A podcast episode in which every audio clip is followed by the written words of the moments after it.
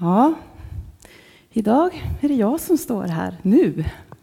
Känns lite sådär ovant. Ehm, jag fick utmaningen av Christer här i början på sommaren. Ska inte du ta en söndag? Ja, okej, okay, sa jag. Nej. Ja, men en utmaning, det måste man ju ta. Man måste ju liksom våga någonting nytt, kände jag. Så det gör jag idag. Jag är tacksam för att vi utgår ifrån ett material som redan finns, som heter Back to Basics, en grundkurs i kristen tro. Ehm, och vi har ju under sommaren, ända från midsommar och fortfarande kommande några veckor, så um, har vi följt den här serien. Och eh, vi har tidigare hört om att vi är skapade för ett syfte kraften i Guds kärlek. Vad handlar det om att vara frälst? Vad innebär dopet? Vi har fått höra om den helige Ande och bönen. Och förra veckan så pratade Anna-Karin lite grann om hur vi kan växa i vår tro. Och idag så handlar det om församlingen som är nästa steg kanske i att växa i sin tro. Ehm, sen har vi då två gånger kvar så nästa vecka så ska, ska vi prata om att hitta sin plats. Och sen så handlar det om det eviga hoppet. Det vi ser fram emot. Men missa inte de kommande söndagarna. Vad innebär det att vara med i en församling? Vad betyder det egentligen? Och vad är en församling? Som kristna så har vi fått ett tvådelat uppdrag. Vi ska ta hand om varandra, våra syskon. Och så har vi fått i uppgift att hjälpa andra att komma till tro. Och det här uppdraget eh, det gav Jesus till en grupp människor. Han sa inte det till en person. Nu ska du gå och göra lärjungar. Utan han sa det till en grupp människor. Och Bibeln använder två olika bilder kan man väl säga för att beskriva gemenskapen mellan de troende och hur det fungerar. Framför allt så har vi kroppen, Kristi kropp eller kroppen och så har vi en byggnad, templet. I Romarbrevet 12 och, 12 och vers 4 och 5 så står det, för liksom vi i en enda kropp har många lemmar och alla lemmar inte har samma uppgift, så är vi många, en enda kropp i Kristus. Men var för sig så är vi varandras lemmar. Vi hör ihop. Och i Efesierbrevet 2, vers 20-22 så står det Ni är uppbyggda på apostlarnas och profeternas grund, där hörnstenen är Kristus Jesus själv. I honom fogas hela byggnaden samman och växer upp till ett heligt tempel i Herren. Och i honom blir också ni sammanbyggda till en boning åt Gud genom Anden. Så Bibeln använder dessa två bilder för att beskriva hur församlingen fungerar. Det är en kropp där varje medlem är inplacerad som en kroppsdel man har sin plats, eller åtminstone framför allt sin bestämda funktion och sina egenskaper. Och i den kroppen är Jesus själv huvudet. Och hade vi inte huvudet, vad vore då kroppen? Ingenting. Och den andra bilden då, byggnaden eller templet, den består av levande stenar. Och då vill säga det är vi och vi som tror. Jesus är hörnstenen och allt utgår från den. Och vi då, jag tänkte så här, en byggnad idag, men det är ju oftast väldigt lika stenar. Ni vet tegelstenar så här. De är ju väldigt lika. Men det är ju inte vi. Men på den här tiden när det begav sig så var inte stenarna riktigt lika. Utan man var liksom tvungen att passa in dem där de passade in lite grann. Och Jesus är ju som sagt hörnstenen som allt utgår ifrån. Och utan hörnstenen, ja, då faller hela byggnaden, Tar man bort hörnstenen, då faller allt samman. I Första Korinthierbrevet 3 och 11 står det Ingen kan lägga en annan grund än den som är lagd, Jesus Kristus. Så att vad båda bilderna har gemensamt det är att varje del, men de vill visa på att varje del, varje lem i kroppen och varje sten i bygget är betydelsefullt. Varje del har sin bestämda plats. Kroppen, den behöver ju, eller kroppsdelarna behöver ju varandra för att kunna fungera. Och på samma sätt så är det att stenarna de stöttar varandra för att det ska bli en funktion och bygga samman. Men kroppen är ju liksom större än varje del. Kroppen är mer än en hand, kroppen är mer än en fot. Och på samma sätt så är ju byggnaden också större än varje sten. Och de olika delarna klarar sig ju liksom inte utan de andra. Kroppen klarar sig utan vissa delar. Men delarna klarar sig inte utan kroppen. Och stenarna i huset är kanske inte alla... Alltså huset eller byggnaden kan klara sig utan en sten. Men stenen klarar sig inte utan huset. För utan huset så är stenen bara en sten, ingen byggnad. Jag tänkte på det här, alltså kroppen det är min, en av mina favoritbilder för församlingen.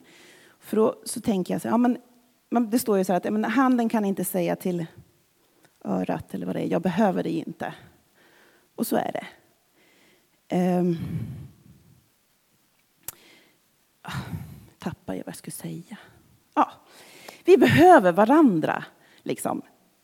Så, som, som, på samma sätt som kroppen. Jo, foten kommer ingenstans utan att hela benet är med. Har ni tänkt på det?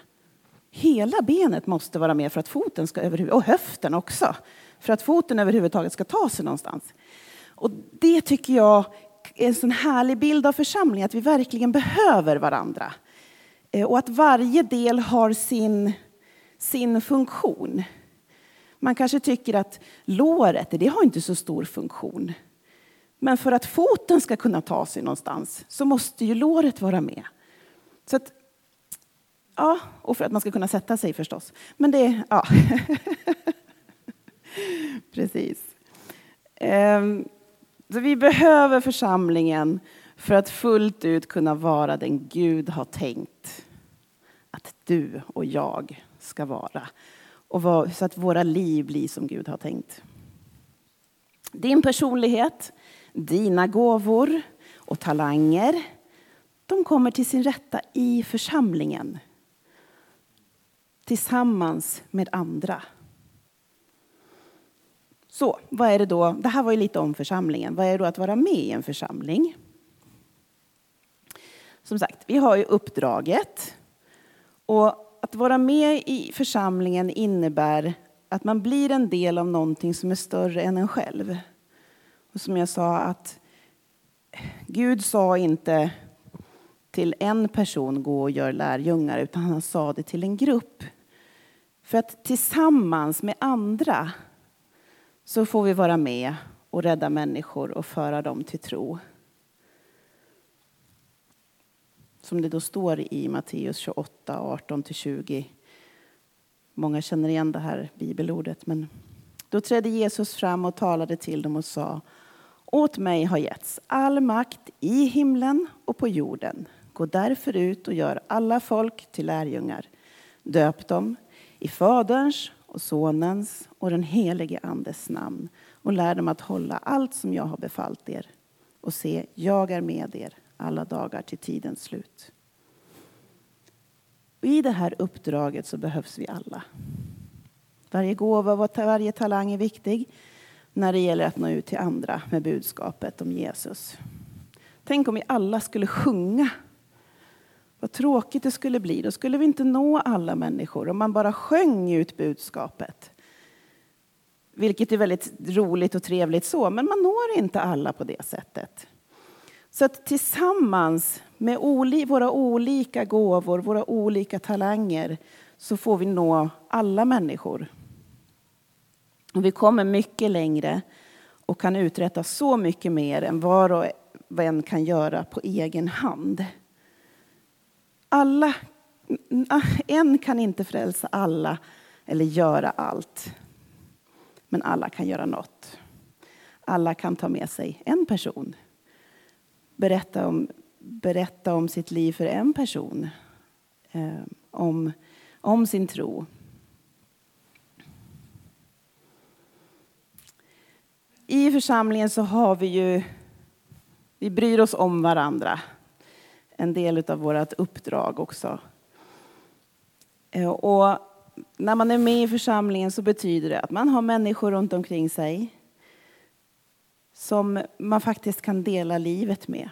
Både glädje och sorg. För vi är syskon. I Romarbrevet 12 och 15 så står det Gläd er med dem som är glada och gråt med dem som gråter. Vi har ett uppdrag som församling att ta hand om människor som finns i vår närhet på något sätt. Och det står också i första Korinthierbrevet 12 och 26. Om en kroppsdel lider så lider de andra delarna med den. Och om en kroppsdel blir ärad så glädjer sig alla de andra delarna med den. Gemenskapen med, I gemenskapen med andra där finns både tröst, uppmuntran och även beskydd. Den som är ny i tron får hjälp och stöd av den som har lite mer erfarenhet och har kommit lite längre i sin vandring med Jesus. Medan den som har varit med länge kan få inspiration och en ny glöd utav den som är ny i tron och nyligen så har upptäckt hur fantastiskt det är att ha en relation med Jesus. Så vi får ge och ta allihopa. Sen har vi bönen, som också är en del, utav en del i församlingen. Så. Och att be tillsammans med andra är ju en källa till glädje och styrka. Tidigare har vi sagt att det är viktigt att man har sin egen tid med Gud, sin egen bönestund när man stänger dörren och går in i sin kammare. Men att be tillsammans, i så här i gudstjänsten eller eh, eh på andra sätt, så det ger som en, det ytterligare dimensioner utav bönen. Och det finns löften som Jesus har gett. Det är som är direkt kopplade till att vi ber tillsammans. I Matteus 18, 19-20 så står det Vidare säger jag er, om två av er här på jorden kommer överens om att be om något, vad det än är, så ska de få det av min far i himlen. För det två eller tre samlade i mitt namn, där är jag mitt ibland dem. Och det finns ju olika sätt som vi kan be tillsammans. Dels här i gudstjänsten. Det finns tillfälle att få hjälp tillsammans med förebedjare att be för någonting eller om någonting. Ehm, man kan också knacka på bänkgrannen. Kan du hjälpa mig i bön för det här eller be för mig i det här? Vi kan lägga ett böneämne i vår bönekorg som vi ber för gemensamt i gudstjänsten. Sen kan, händer det också att vi här framifrån kanske ber för ämnen som är aktuella just här och då. Så. Sen har vi också våra hemgrupper. En lite mindre gemenskap där vi får be tillsammans. De träffas ju oftast i hemmen Kanske en kväll i veckan eller något sånt. Och det kan vara lättare att känna trygghet i en mindre grupp. Och där kan man också få uppmuntran från andra som finns med i församlingen. Och så har vi givandet. Det har alltid varit en del av ett liv tillsammans med Gud. För Gud är själv den största givaren av alla. Han gav sin enda son för att rädda oss människor. I Apostlagärningarna 2, 44-45 så står det Alla de troende var tillsammans och hade allt gemensamt. De började sälja sina egendomar och ägodelar och delade ut till alla efter vars och ens behov. Och det här menar ju inte att vi ska gå och sälja allt vi äger och lämna till församlingen. Utan det handlar om att vi tar ett gemensamt ansvar. För både varandra och för det som kostar i verksamheten. Huset, som, som Kiki nämnde, huset, vi har löner, men vi har också verksamhet. Vi har mission och vi har verksamhet här för, för Enköpingsborna lite mer lokalt och så. Den viktigaste tanken i det här bibelordet är ju så att säga att det, det ska finnas till det som behövs. Mm. Och det handlar om att bidra med det man kan. I Andra Korintierbrevet 9 och 7 står det Var och en ska ge vad han har bestämt i sitt hjärta, inte med olust eller tvång, för Gud älskar en glad givare. Och en princip som många tillämpar är det här med tionde. Att man, ska, att man ger 10 procent av sin inkomst till församlingen. Det är en gammal princip, har funnits genom hela historien. Och Bibeln berättar om hur Abraham gav tionde till prästen Melkisedek. Och det var ungefär 500 år innan Gud gav budorden och lagen till Mose. Så det här står ju över lagen. Det har inte med lagen att göra att man ska ge tionde. Utan det är en rättpris, rättvis princip som visar på att var och en ska ge ut efter sitt eget Ehm, förmåga, sin egen förmåga. Jesus talar ju inte så mycket om tionde. Det nämns bara två gånger i, i Nya testamentet. Men det betyder ju inte att det är någonting som vi kan glömma bort. För att han säger att vi borde ge tionde. I Matteus 23 och 23 så säger han Ve er skriftlärare och fariseer, era hycklare. Ni ger tionde av mynta, dill och kummin men försummar det viktigaste i lagen. Rättvisan, barmhärtigheten och troheten. Ni borde göra det ena utan att försumma det andra. Så det är alltså viktigt att ge. Men det är någonting djupare i det. Det handlar inte bara om att man ska ge för att man måste, utan det handlar om att ge av hjärtat. Lukas 21, 1-4. Jesus lyfte blicken och såg hur de rika la sina gåvor i offerkistan. Men han såg också hur en fattig änka la i två små kopparmynt. Och då sa han, jag säger er sanningen, den här fattiga änkan, hon gav mer än alla de andra. Alla andra gav av sitt överflöd i offerkistan. Men hon gav i sin fattigdom allt hon hade att leva på.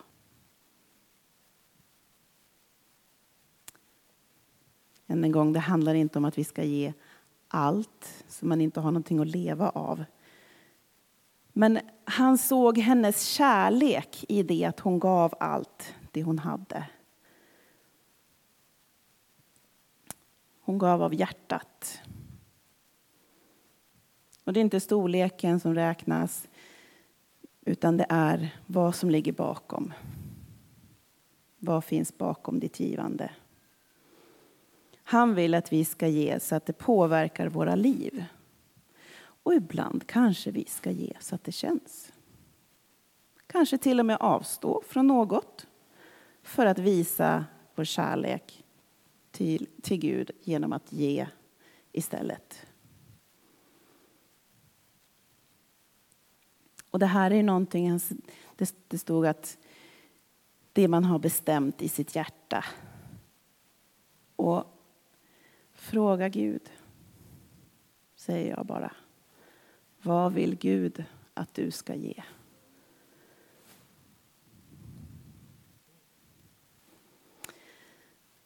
En del till i, i församlingslivet skulle man kunna säga är nattvarden.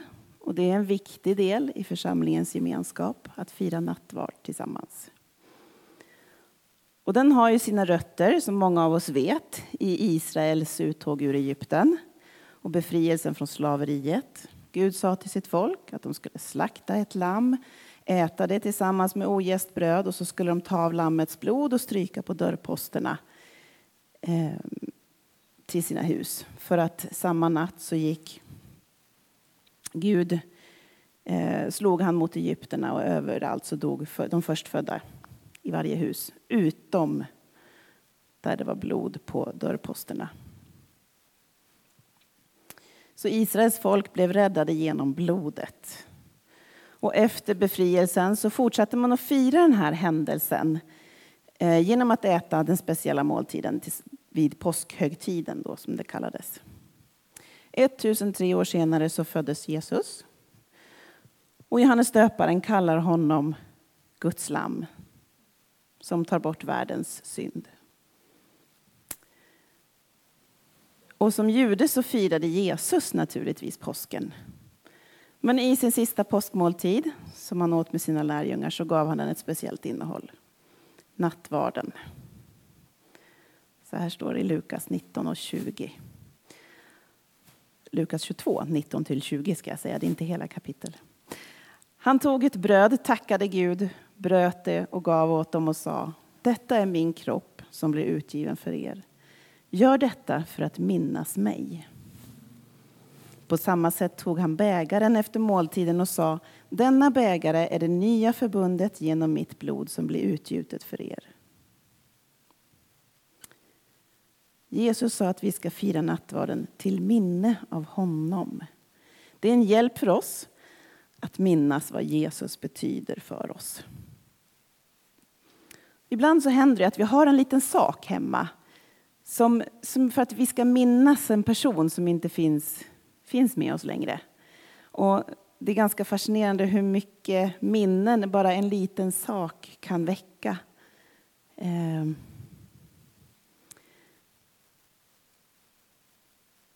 Det här nattvarden är våran minnessak för att minnas Jesu död och uppståndelse. Det är det som är det viktiga med nattvarden. Att den ska påminna oss om att vad Jesus har gjort för oss. Att han gav sitt liv för var och en av oss.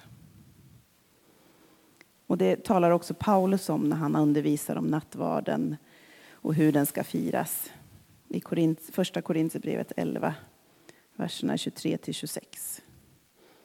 Jag har själv tagit emot från Herren vad jag fört vidare till er. Den natt då Herren Jesus blev förrådd tog han ett bröd, tackade Gud, bröt det och sa Detta är min kropp som blir utgiven för er. Gör detta för att minnas mig. På samma sätt tog han bägaren efter måltiden och sa denna bägare är det nya förbundet i mitt blod. Så ofta ni dricker av den, gör det för att minnas mig. Så ofta ni äter detta bröd och dricker denna bägare förkunnar ni Herrens död till dess han kommer. Så nattvarden då, det är en påminnelse om vad Jesus har gjort. Gör detta till minne av mig, säger han. Och det sker i tacksägelse han tackade Gud och vi tackar Gud för vad han har gjort för oss. Det är en förkunnelse. Vi förkunnar Herrens död. Och vi predikar att Jesu död och uppståndelse är en seger för alla människor. Och sen pekar det framåt, till dess han kommer. Vi påminns om evighetsperspektivet och löftet som Jesus har gett om att han ska komma tillbaka och hämta oss till sig. Så den inre omsorgen, den gemensamma bönen, givande och nattvarden, det är olika sätt som vi i församlingen är med och uppfyller vårt gemensamma uppdrag. Att ta hand om varandra och att förkunna och sprida evangeliet lite. Sen finns det mer saker och det kommer vi prata om framöver. Så. Det här var ungefär vad jag har att säga idag. Det finns två stycken samtalspunkter som vi gärna kan ta med till fikat. Så har ni någonting att prata om vid fikaborden som har lite med predikan att göra. Den första är, vad har det betytt eller betyder det eller skulle det betyda för dig att vara med i församlingen? Och den andra är, vad kan församlingen göra för att stärka känslan av delaktighet? Innan vi går, till, går ut och fikar så ska vi däremot få ge, ge utrymme för den gemensamma omsorgen och den gemensamma bönen. Finns möjlighet, vi ska sjunga lite tillsammans. Det finns möjlighet att komma fram och få förbön vid korset. Eller om man vill ha hjälp i bön för någonting eh, som kanske inte är en själv. Men om man vill ha hjälp i bön så är man välkommen fram. Jag tror att det går att knacka på, på, på bänkgrannen också om man skulle vilja det. Så ta med de här frågorna sen till, eh, till fikat.